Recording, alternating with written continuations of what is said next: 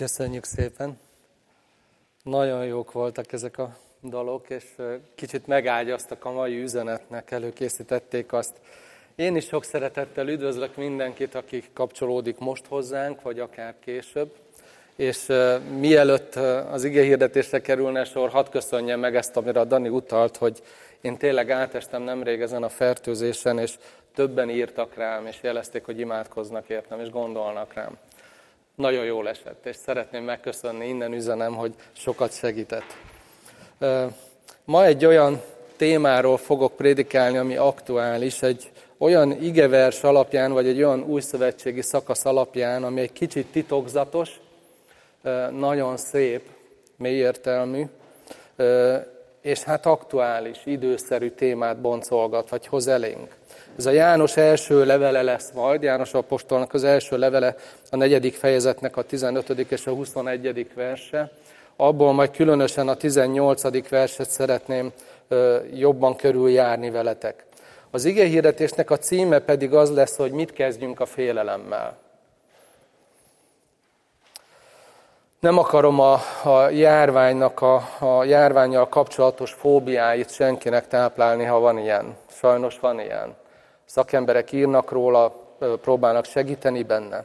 De az a helyzet, hogyha homokba dugjuk a fejünket, az sem segít. Úgyhogy fontos talán, hogy gondolkodjunk erről. Fontos, hogy legyen szó róla. Főleg fontos, hogy az ige szólítson meg minket ebben a témában, és Isten segítsen megküzdeni minket a félelemmel. Ami hát nem csak most aktuális, ugye ez az életünket kíséri, de most így a járvány idején, a világjárvány idején, most ez egy globális probléma, mindannyian így vagy úgy küzdünk vele, a szeretteink miatt, vagy önmagunk miatt, és sok minden más is kapcsolódik ez az egész problémához, érintheti a, a hivatásunkat, a munkánkat, az egzisztenciánkat.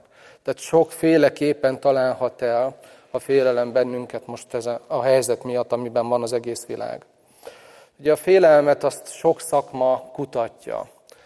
A szakemberek, akik különböző szempontból foglalkoznak ezzel, ugye sok háttérből érkeznek, ott van a humántudományoknak a területe, orvosok, pszichológusok ugye kutatják, hogy mi a félelemnek az oka, mit gondoljunk, hogy kezeljük, mert hogy bizony betegségekhez vezethet, viselkedési zavarokhoz vezethet.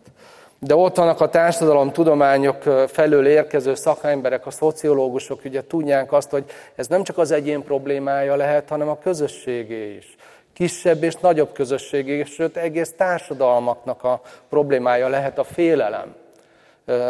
Aztán ott vannak a politológusok, akik ugye segítik a politikusainkat, akiknek hát ez szintén egy feladat. Tehát ha egy társadalomban megjelenik a félelem, mint most, akkor azzal a vezetőknek, akik társadalmi szinten döntéshozók, kezdeni kell valamit. És hát sajnos ugye sokféle ilyen típusú vezetőnk van, vannak, akiket a félelem azért érdekel, mert ha föl lehet kelteni, akkor a megmentésnek a különböző narratíváival lehet az embereket manipulálni és vezetni. Szóval ez egy érdekes kérdés, egy nehéz téma, de nagyon sokakat érdekel a vezetés elmélettől a hat tudományokig, ugye nem is kell magyaráznom, hogy miért. Tehát ezekhez a szakemberekhez tartozó kutatások vagy szakterületekhez tartozó kutatások fontos részleteket tesznek le, fontos tudást tesznek le elénk, amikből tanulhatunk. De ma én azt szeretném, arra szeretnélek hívni benneteket, hogy nem annyira tudomány felől, hanem inkább Isten igéje felől nézzünk rá ugyanerre a témára. Ez a két dolog egyébként, tehát a Biblia mit mond a félelemről, és a tudomány mit mond a félelemről, vagy egyáltalán a valóságról, ez nincs vitába egymással, hogyha jól értjük ezt a két dolgot. Ugye a római levél beszél arról, hogyha értelmesen vizsgáljuk azt a világot, azt a valóságot, amit Isten teremtett, akkor igazából Istenhez kerülünk közelebb. Ha a Bibliához fordulunk, akkor szintén Istenhez kerülünk közelebb. Ez a két terület a tudományos vizsgálat, illetve a Bibliának a megközelítése olyan, mint egy szemüvegnek a két lencséje. Mind a kettőn keresztül nézhetjük ugyanazt a dolgot. És hogyha ezt jól csináljuk, akkor ez a két dolog, amit ott találunk, ez nem feltétlen van ellenmondásba egymással. De én ma arra hívlak benneteket, hogy amikor a félelemről gondolkodunk, akkor engedjük meg, hogy a Szentíráson keresztül Isten szólítson meg minket. És kicsit személyesen rólunk beszéljen nekünk. Amit ott találunk az igébe, az inkább egy spirituális jellegű válasz. A félelemmel való megküzdésnek egy spirituális stratégiája, hogy úgy mondjam. Tehát olvassuk el ezt a szakaszt az Új Szövetségből, János Apostolnak az első levelének a negyedik fejezetéből, a 15-től a 21. versig. Ha valaki vallja, hogy Jézus Isten fia, abban Isten marad, ő pedig Istenben. És mi ismerjük és hisszük azt a szeretetet, amelyel Isten szeret minket. Isten szeretet, és aki a szeretetben marad, az Istenben marad, és Isten is ő benne. Abban lett teljessé a szeretet közöttünk, hogy bizalommal tekintünk az ítélet napja felé, mert ahogyan ő van, úgy vagyunk mi is ebben a világban. A szeretetben nincs félelem, sőt a teljes szeretet kiűzi a félelmet, mert a félelem gyötrelemmel jár, aki pedig fél, nem lett tökéletessé a szeretetben. Mi tehát azért szeretünk, mert ő előbb szeretett minket. Ha valaki azt mondja, szeretem Istent, a testvérét viszont gyűlöli, az hazug, mert aki nem szereti a testvérét, akit lát, nem szeretheti Istent, akit nem lát. Azt a parancsolatot is kaptuk tőle, hogy aki szereti Istent, szeresse a testvérét is. És még egyszer a 18. verset kiemelném, és elolvasnám még egyszer, mert ez lesz a legmeghatározóbb. A szeretetben nincs félelem, sőt a teljes szeretet kiűzi a félelmet. Mert a félelem gyötrelemmel jár, aki pedig fél, nem lett tökéletessé a szeretetben. Imádkozzunk. Úr Jézus, köszönjük azt, hogy számíthatunk rád, hogy most az igén keresztül közel jössz hozzánk, és személyesen nekünk szólsz, és ránk leszel hatással. És amit a, a félelemmel kapcsolatban kezdeni akarsz, Úr Jézus, szeretnénk nyitottak lenni rá. Szeretnénk megengedni azt, hogy a Te lelkeddel és a Te igéddel dolgozz bennünk, formálj minket ebben a kérdésben is. Amen. Miről lesz szó ma? Először is szeretnék majd beszélni egy kicsit a, a félelemről, hogy mi is az, és hogy van-e annak valamilyen fontos funkciója, valamilyen értelmes funkciója, valami haszna az életünkben, hogy tudunk félni. Ezek után szeretnék néhány olyan teológiai koncepcióról beszélni, amik hát félreértésen alapulnak, és ebből olyan elvárások is megszületnek közösségekben, amik, amiknek nem lehet megfelelni, és amik éppen ezért bűntudathoz vezetnek, és pont, hogy nem elősegítik, hanem nehezítik azt, hogy az emberek megküzdjenek a félelmeikkel. Ezek után szeretném, hogyha a 18. verset egy picit mélyebben, alaposabban megnéznénk, és utána ránéznénk ennek az egy versnek az előtte és az utána névő kontextusára, mert ott arról lesz szó, hogy az a fajta spirituális jellegű megküzdés, ahogy Isten előtt megnyílik az életünk, hogy az ő segítségével megküzdjünk a félelemmel, az bizonyos feltételekhez is van kötve. Mik ezek az előfeltételek, amikkel kapcsolatban nekünk valamilyen döntést kell hozni, ezzel fejezném majd be.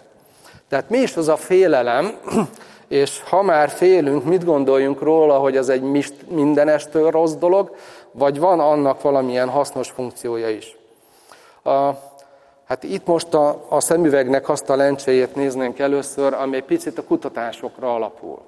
Az alapján azt tudjuk, hogy a félelem az az alapérzelmeink közül az egyik. Tudjuk azt, hogy a, a nyelvünk az kifejezi azt, hogy mit értettünk meg abból a valóságból, amiben benne élünk. Hogyha kinyitunk egy lexikont, vagy felnyitunk egy értelmező kéziszótárt, akkor azt találjuk, hogy több mint 500 olyan kifejezése van a nyelvünknek, ami valamilyen szempontból az érzelmeinkről beszél. De azok a kutatások, amiket ismerhetünk, azt mondják, hogy ettől lényegesen kevesebb olyan alapérzelem van, ami egy embernek az életét meghatározza, és ezek közül majd látjuk, hogy az egyik a félelem, és ezeknek az alapérzelmeknek az egymásra hatásából és kombinációjából jön ki a többi, kicsit bonyolultabb érzelem is. Nekem az egyik legérdekesebb ilyen kutatás, amit olvastam, az volt, ami a, az embereknek az arc kifejezését vizsgálta az érzelmekkel kapcsolatban. Ugye mi is ismerjük, a magyar nyelv is mondja azt, hogy kiül az arcára. Tehát, hogy konkrétan egy érzelmet nem látunk, hogy benned milyen érzelem kavarog, de az arcodra kiül, és ebből következtetni tudunk, hogy most örülsz, éppen félsz, undorodsz valamitől. Tehát, hogy mi, mi az, ami benned zajlik, kiül az arcára. Na ezek a kutatások azt találták, hogy hét olyan érzelem van, ami független attól, hogy a világ melyik pontján és milyen társadalmi környezetben vizsgálják, ugyanazt jelenti az a hozzá kapcsolódó arckifejezés az embereknek. És ahogy ezt nézték tovább, kiegészült ez még egyel, tehát nyolc ilyen típusú érzelmet különítettek el, és azt mondták, hogy valószínű, hogy mivel ez független a kultúrától, és független a társadalmi kontextustól, hogy valaki milyen társadalmi réteghez tartozik, egyformán jelenik meg, és ugyanazt az üzenetet hordozza, ez valószínű, hogy genetikailag kódolt bennünk, és ezeket hívták alapérzelme, alapérzelmeknek. És hát nyolc ilyen van, az öröm, az elfogadás, a félelem, a meglepődés, a szomorúság, az undor, a harag és a várakozás, vagy az előérzet, úgy is lehetne mondani. A többi érzelem ezeknek az alapérzelmeknek a kombinációja, egymásra hatása. Például az optimizmus az a, az öröm és a várakozás. A pessimizmus az az öröm és a félelem kombinációja. Ami ebből a lencséből, tehát ebből a, a tudomány felüli megértés szempontjából fontos nekünk a félelemmel kapcsolatban, hogy, hogy azt látjuk, hogy ez genetikailag kódolt bennünk, egy univerzális alapérzelem, a félelem. Ott van minden emberbe, mindegy, hogy milyen kultúrába született bele, milyen társadalmi rétegben él. És hát azt is kell mondanom most így nekünk egymás közt, hogy hát mivel ez egy genetikailag kódolt dolog, ez egyformán jellemző a hívő és a hitetlen emberre is. Isten ugye ugyanúgy kódolt minket genetikailag, mint a nem hívőket. Ez ránk is jellemző, nincs különbség közöttünk ebből a szempontból. Majd látni fogjuk, hogy a félelem ugyanaz, de a megküzdés a félelemmel azért az már más. És ez a megküzdés, ez bizony meghatározott társadalmilag, kulturálisan.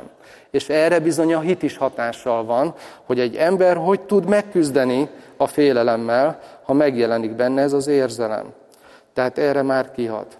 Na most mivel abban hiszünk, hogy az ember Istennek az alkotása, és ebből az következik, hogy ha ez genetikailag kódolt, akkor ez mindenkire igaz, ránk hívő emberekre is, minden emberre, és azt gondoljuk, hogy ezt is Isten találta ki, akkor az egy értelmes kérdés, hogy mi ennek az értelme? Mi ennek a célja? Van ennek funkciója, hogy az ember félni szokott? Felmerül ez a kérdés, és hát ez egy jogos kérdés.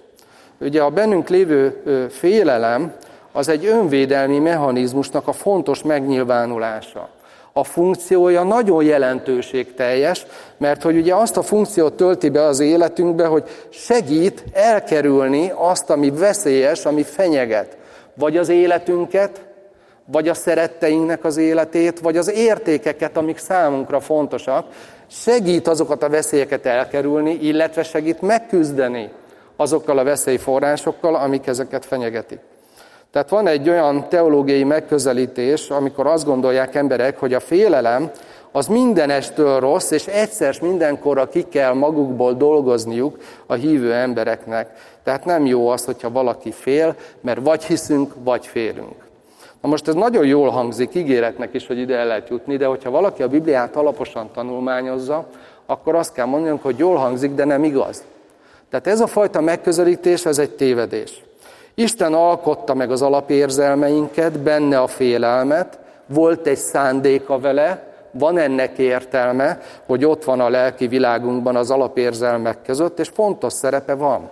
Csak gondoljatok arra, hogy amikor Isten az embert megalkotta és megteremtette, akkor az ember az egy kozmikus drámába, egy kozmikus konfliktusba érkezett meg.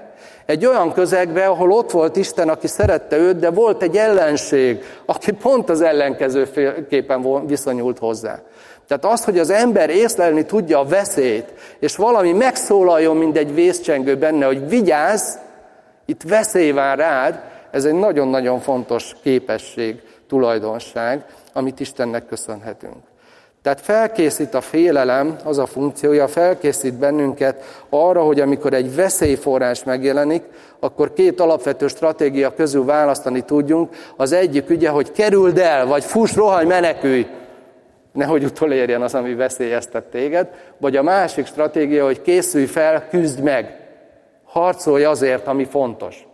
És a félelem készítesz bennünket, és hát ezt nagyon jól kikutatták, hogy hogyan mozgósítja az idegrendszerünket, a, hogyan jönnek meg az immunválaszok, a hormonok, és mi minden segít bennünket ebben a helyzetben. Szóval azt kell mondjam, hogy, hogy bár a félelem azért alapvetően egy kellemetlen dolog, úgy éljük meg, mégis egy csodálatos dolog, amit Isten megalkotott ennek kapcsán. Azonban valóban Gondolnunk kell arra, hogyha egy félelem fixálódik, rögzül és hosszú távon kíséri egy embernek az életét, az megbetegítheti őt, és rosszul hat rá. De a félelem maga az önmagában nem rossz, nem mindenestől rossz. Ezt Isten teremtette meg olyannyira, hogyha valaki tényleg ezt elkezdi tanulmányozni a Bibliában, akkor azt látjuk, hogy maga az Úr Jézus, aki az esetek többségében embereknek azt mondta, hogy ne félj, vagy hogy ne féljetek. Van az a helyzet, és van az a téma, és van az a körülmény, amikor pont azt tanácsolja, hogy tudod mit? Inkább félj. Csak egy példát hadd mondjak, Lukács 12, 4, 5.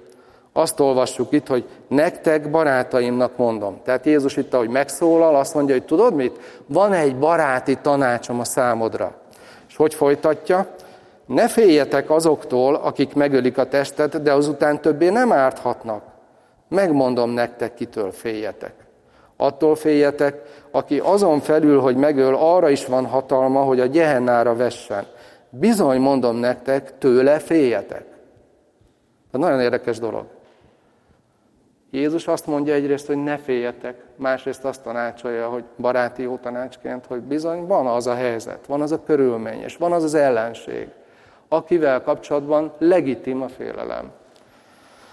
Mégis, ahogy mondtam már az előbb, Isten igéje, az annak ellenére, hogy nem csak káros és rossz dolognak mutatja be a félelmet, beszél arról, amit a kutatások is visszaigazolnak, hogyha az életünkben fixálódik, tartósan kísér, és nem tudunk megküzdeni a félelemmel, hanem beragad, meghatározza az életünket nagyon hosszú távon, akkor ebből problémák lesznek, betegségek lesznek, diszfunkciók lesznek, nem tudunk az élethez normálisan viszonyulni.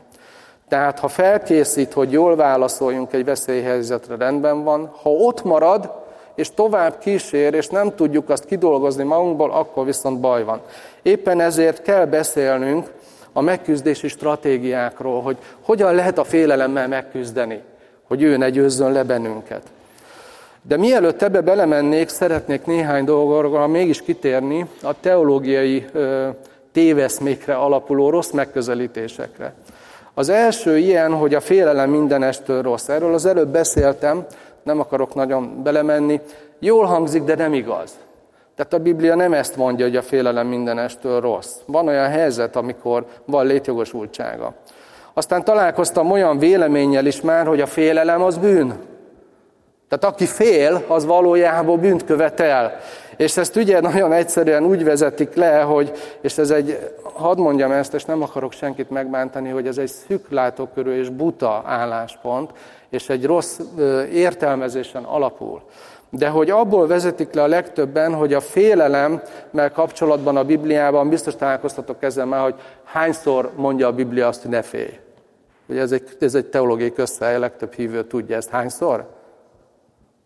365-szor állítólag. Én még nem ellenőriztem le, nem volt annyi időm, hogy ezt most végigbogaráztam és megszámoljam az összeset, de azt mondják, hogy tehát minden napra jut egy ne félj parancsa Istennek, tehát egyik nap sem szabadna félnünk. Ugye ez a logika már egy kicsit megbicsaklik, ha valaki értelmesen végig gondolja, de úgy folytatódik, hogy mivel ez egy felszólító mód, ez egy parancs. Ha Isten parancsol valamit, és te az ellenkezőjét teszed, akkor mit csinálsz? Akkor védkezel, bűnt követsz el. Tehát félni az bűn. Hát ez egy ilyen önmagába visszatérő, zárt érvelési mód, ami egy alapvető félreértésen alapul, és, és nagyon, nagyon fontos, hogy ezt helyre tegyük. Gondoljunk arra, hogy amikor egy kisgyermek fél, és egy édesanyja vagy egy édesapa ölbeveszi, átöleli gyengéden, magához szorítja, hogy érezze a jelenlétét, és a fülébe sugja, hogy kicsim, itt vagyok, ne félj, akkor ez egy parancs? Hát pusztán nyelvtanilag, formailag ez egy felszólító mód, de semmi köze a parancshoz. Ugye ez, ez elsősorban azt jelenti, hogy itt vagyok, érted vagyok itt, jelen vagyok, és, és védelek téged. A másik pedig, hogy kinyitja egy lehetőségre a figyelmét, hogy, hogy mivel itt vagyok és számíthatsz rám, nem kell, nem kell tovább félned. Ez a jelenlét és a felszabadításnak a kifejezése, hogy ne félj.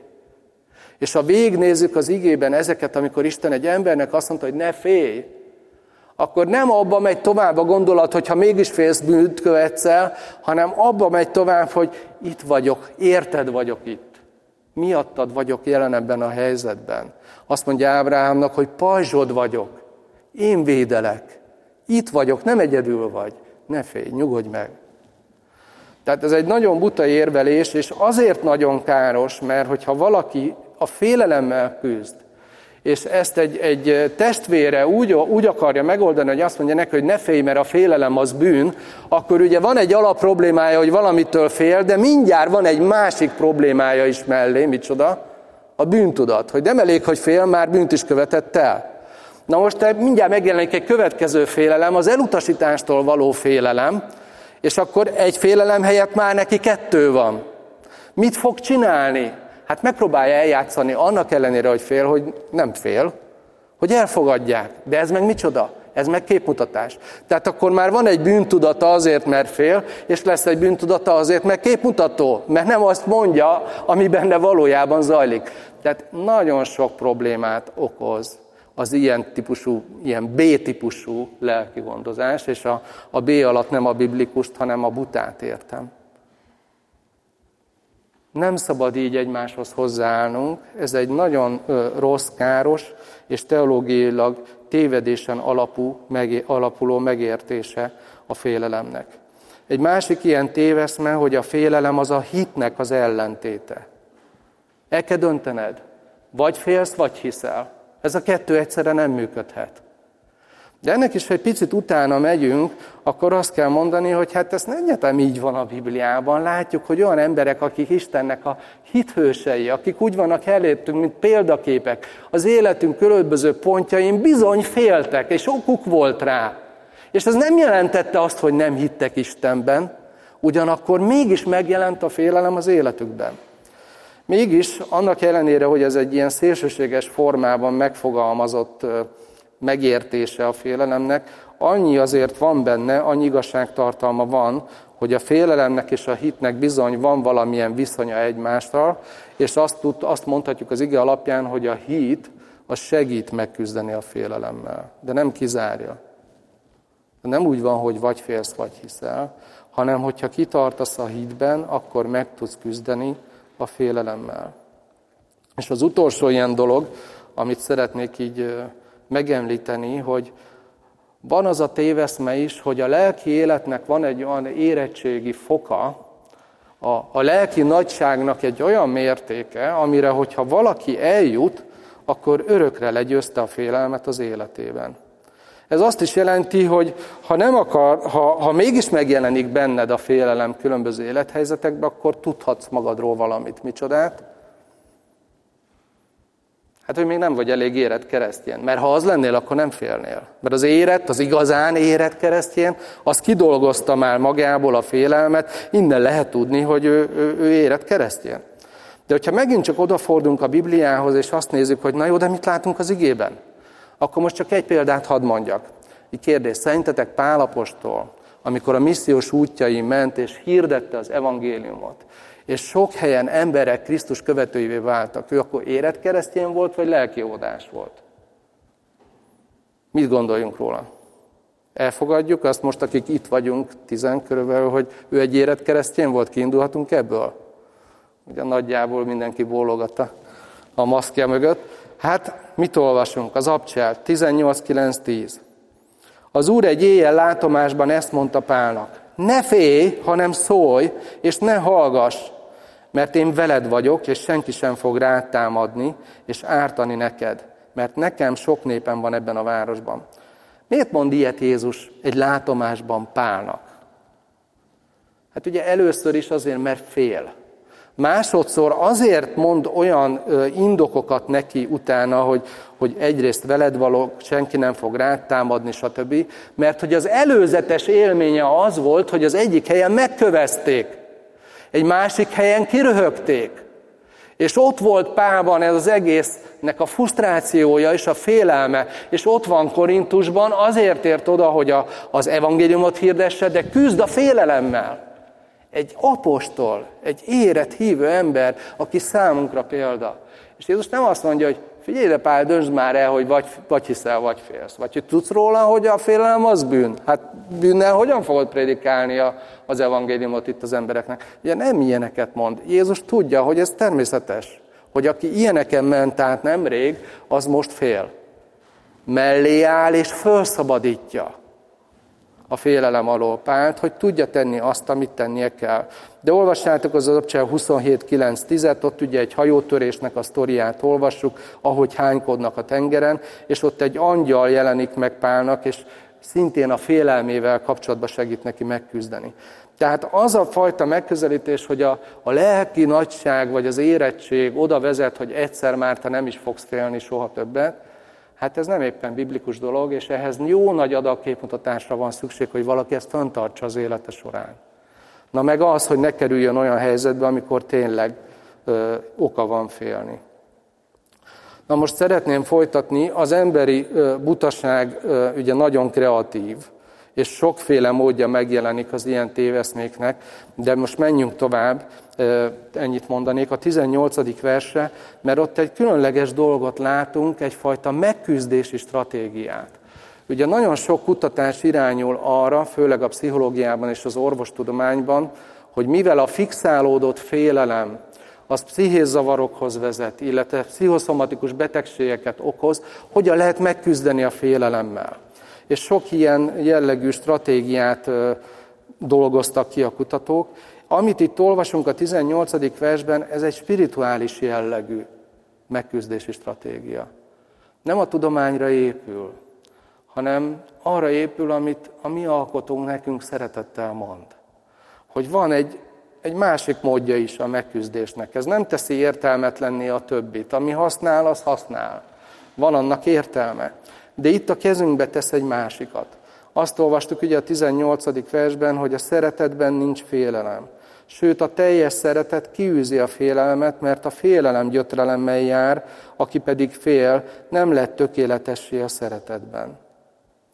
Tehát mi az, amit itt mond az ige? Egy-két dolgot hadd emeljek ki. Ugye beszél a félelemnek erről a fixálódásáról, hogy tartósan jelen van, és elhatalmasodik rajtunk. Az a, az igeidő, amit itt az eredeti szöveg használ, az a folyamatos jelenidő.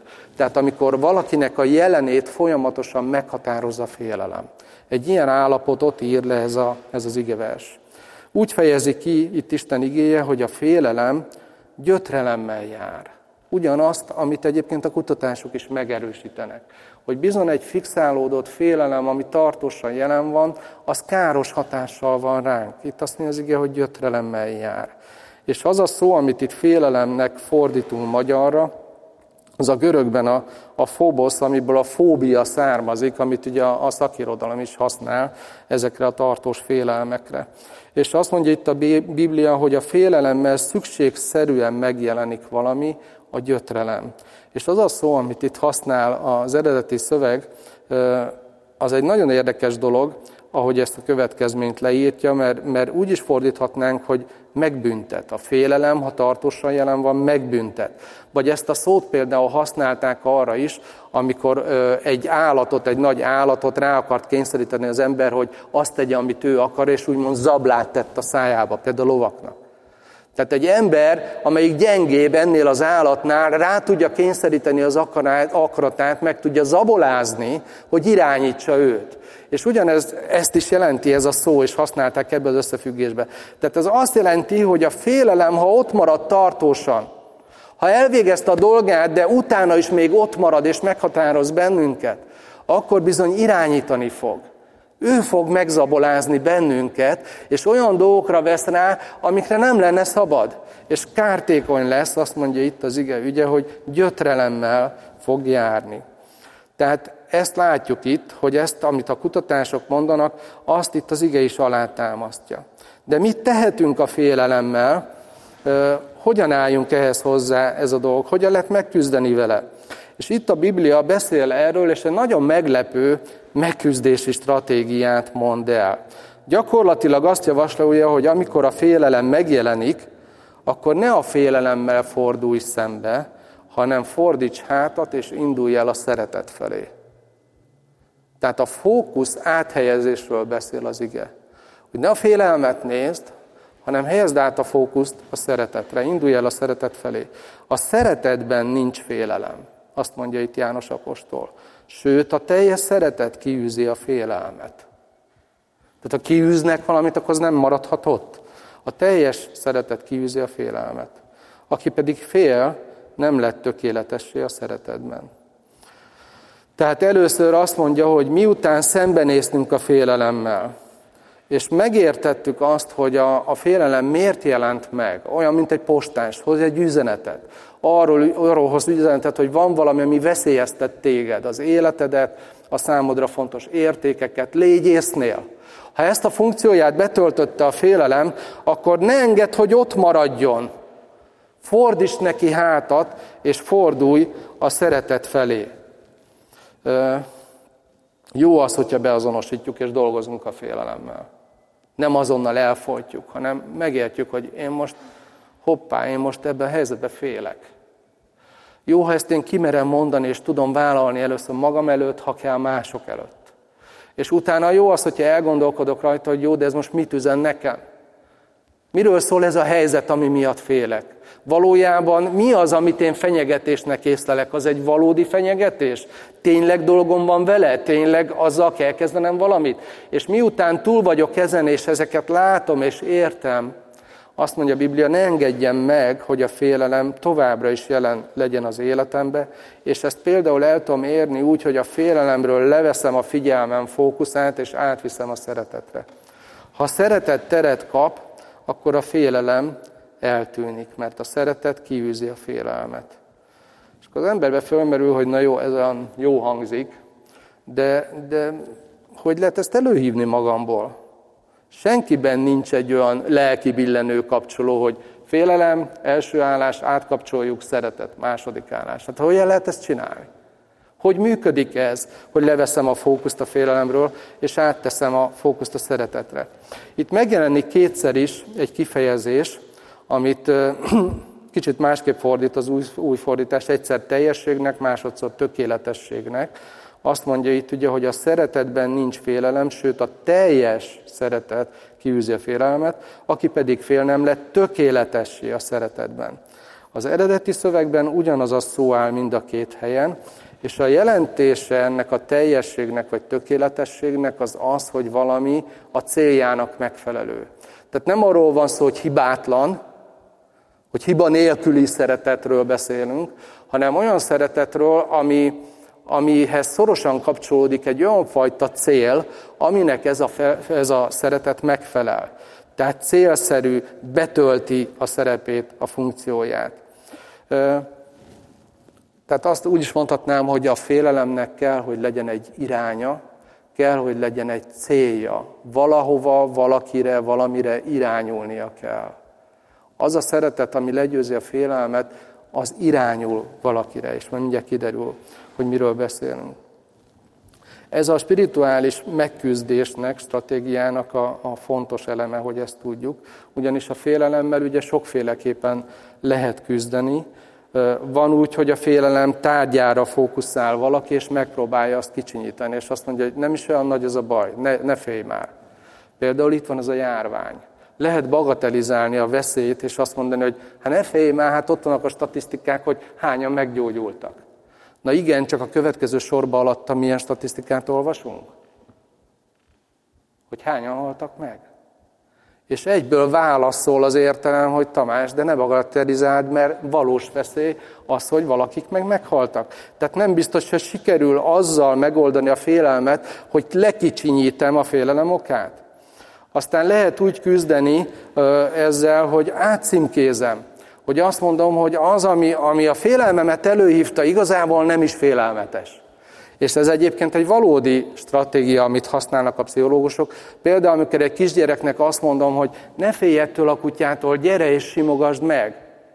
Akkor ugye azt üzenem neki, hogy ez nem az a kutya, amelyik múltkor téged egy évvel ezelőtt megharapott a nyaralásnál, ez egy másik kutya. Az egy harapos kutya volt, ez nem az, és ha most idejössz és megsimogatod, akkor egy új élményben lesz részed, és ez az élmény lefedi a régit, és megszűnik a félelem.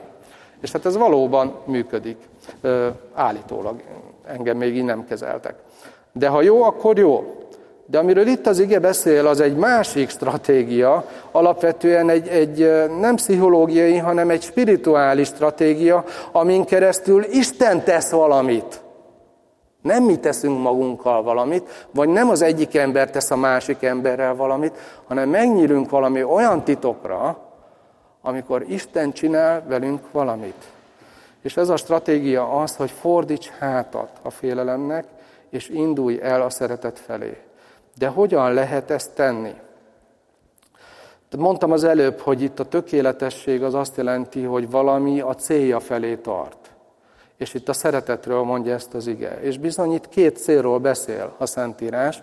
A 18. vers előtt és utáni kontextust is nézzük, most szeretném behozni. Akkor az egyik ilyen cél, hogy szeresd Istent.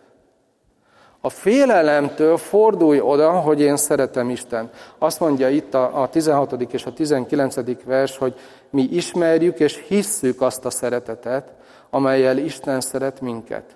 Isten szeretet, és aki a szeretetben marad, az Istenben marad, és Isten is ő benne.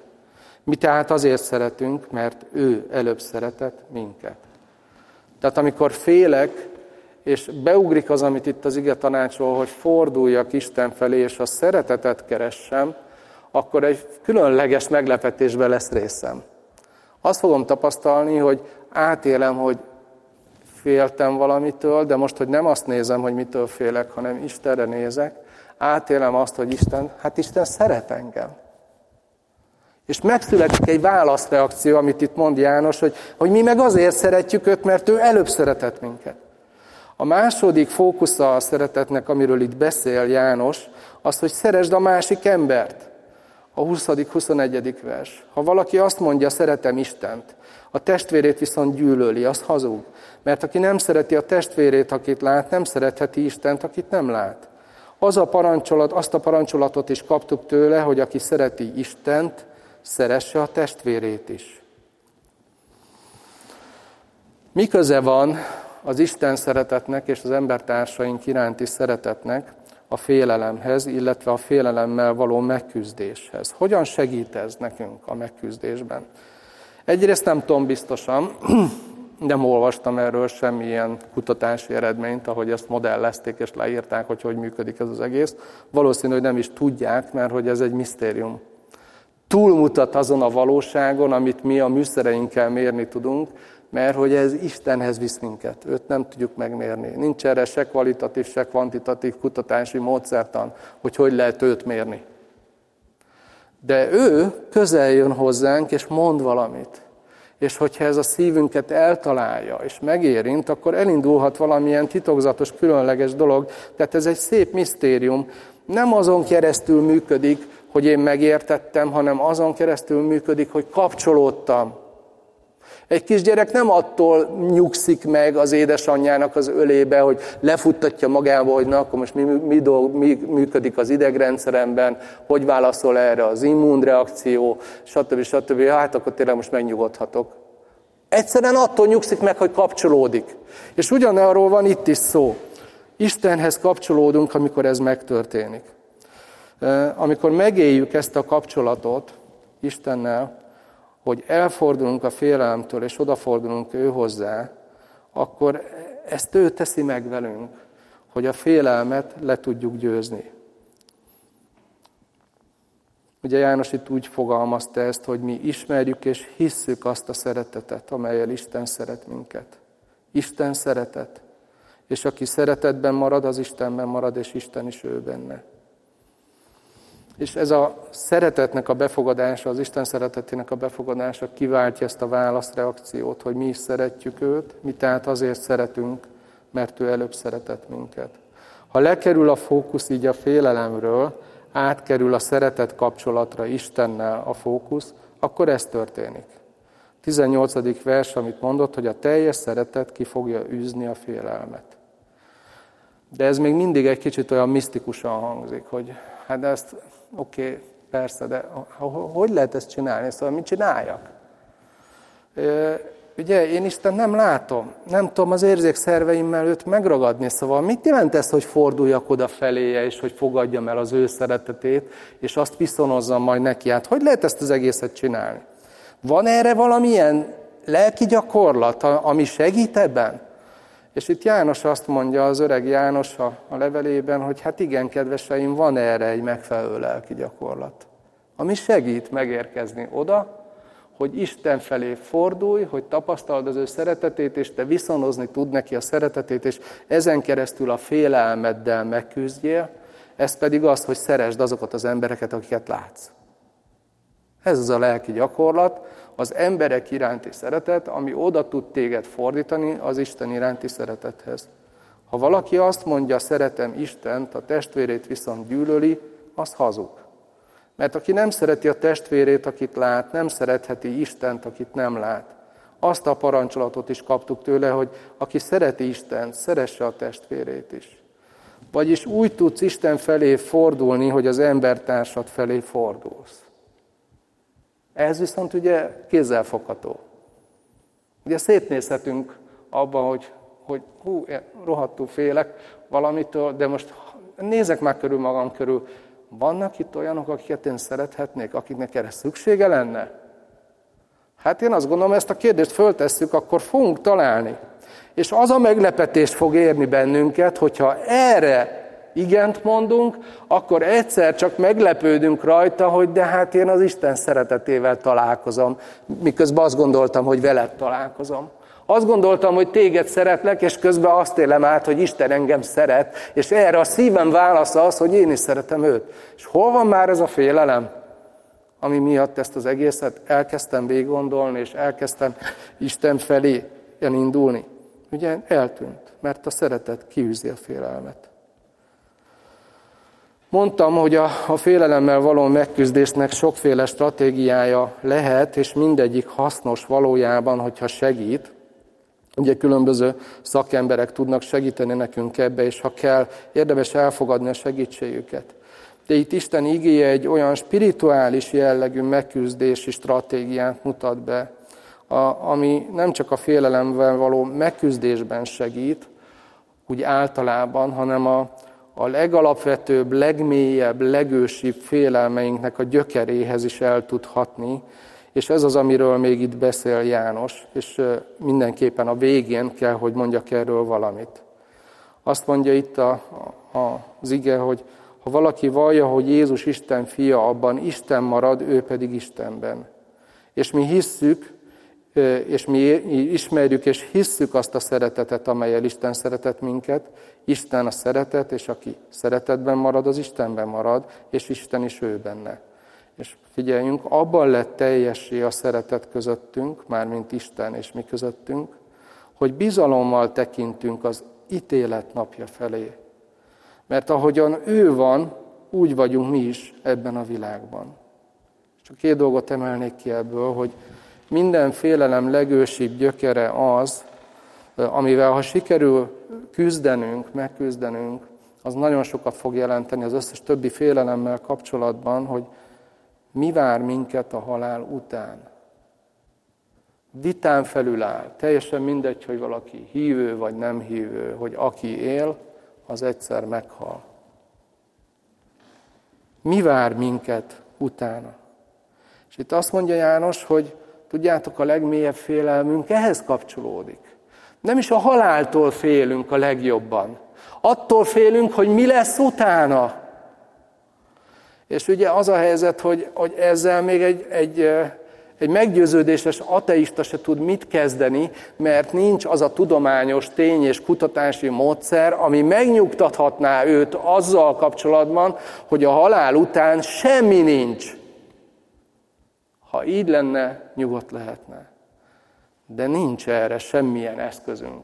Nekem sincs, én sem tudom bizonyítani, legalábbis abban az értelemben, ahogy ezt a mai ember érti, hogy mit is jelent valamit bebizonyítani. Mégis tudok róla beszélni, mert van alapja. Én abban hiszek, hogy minket Isten teremtett, és az az Isten, aki teremtett és alkotott bennünket, aki föntartja az életünket, nem csak megalkotta, hanem vigyáz rá és támogatja, az az Isten mondott erről a problémáról valamit. Beszélt nekünk erről. Például a zsidókhoz írt levél azt mondja, a 9. fejezet 27. vers, hogy elrendeltetett, hogy az emberek egyszer meghalljanak, azután pedig ítélet következik. És ez először a legtöbb embernek félelmetesen hangzik. De erről Jézus is mondott valamit a János evangéliumában, olvassuk ezt a harmadik fejezetben, hogy mert úgy szerette Isten a világot, hogy egy szülött fiát adta hogy aki hisző benne el ne vesszen, hanem örök élete legyen. Mert az Isten nem azért küldte a fiút a világban, hogy elítélje a világot, hanem hogy üdvözüljön a világ általa. Aki hisz ő benne, nem jut ítéletre. Aki pedig nem hisz, már ítélet alatt van. Mert nem hitt az Isten egyszülött fiának a nevében. Itt, ahogy az Úr Jézus beszél a János evangéliumában, érdekes, hogy ezt is János jegyezte föl, Gyakorlatilag ebben Isten szeretete jelenik meg, és nem az Isten gyűlölete irántunk.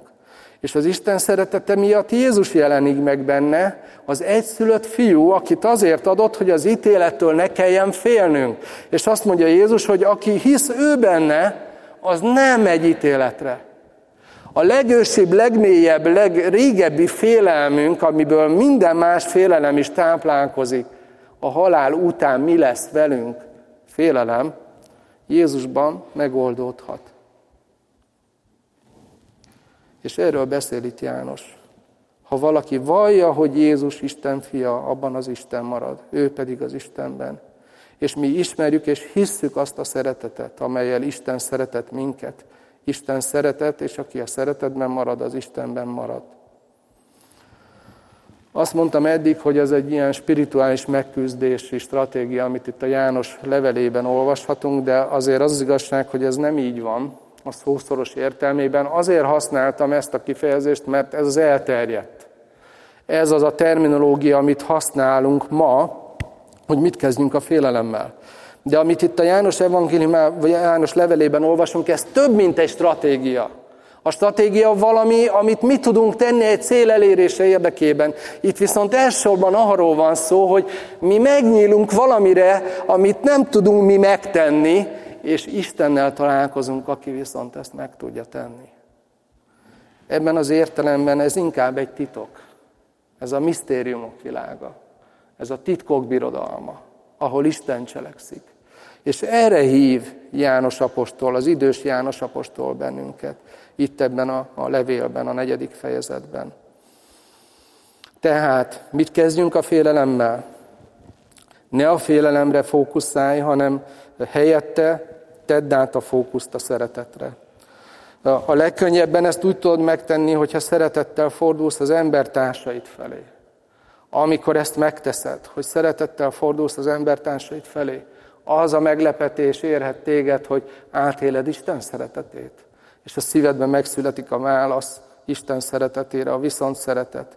És amikor ez kialakul, akkor ott a félelemnek nem marad tere az életedben. Ez egy spirituális megküzdési lehetőség, ami igazából Istennek a munkája bennünk. És ez az, amire hív bennünket a Szentírás, ez az, amit fölajánl nekünk az igén keresztül is. Tegyél egy próbát. Próbáld ki, hogy működik-e.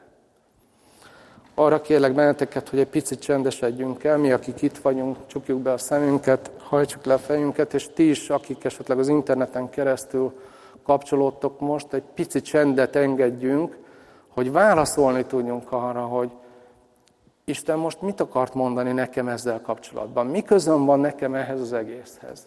Mi lenne az a válasz, ami a szívemből jön neki? És egy pici csend után én befejezem imádsággal, és utána egy éneket fogunk meghallgatni.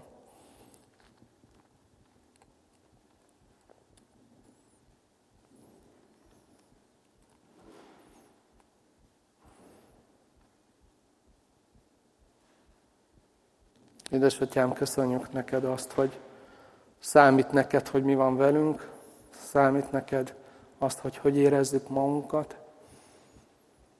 Köszönjük, hogy Te alkottál bennünket úgy, ahogy Te jónak láttad, és ebben benne van a félelem is, ami segít elkerülni a veszélyt, vagy megküzdeni a veszéllyel, de hogy nem akarod, hogy tartósan félelemben éljünk. És köszönjük, hogy Te tudsz mit kezdeni a félelmeinkkel. Segíts nekünk felét fordulni. Amikor a félelem megjelenik bennünk bármivel kapcsolatban, akkor hadd tekintsünk erre úgy, mint egy meghívóra, hogy Te hívsz ezen keresztül közelön megadhoz bennünket. Segíts, hogy igen tudjunk mondani ilyenkor.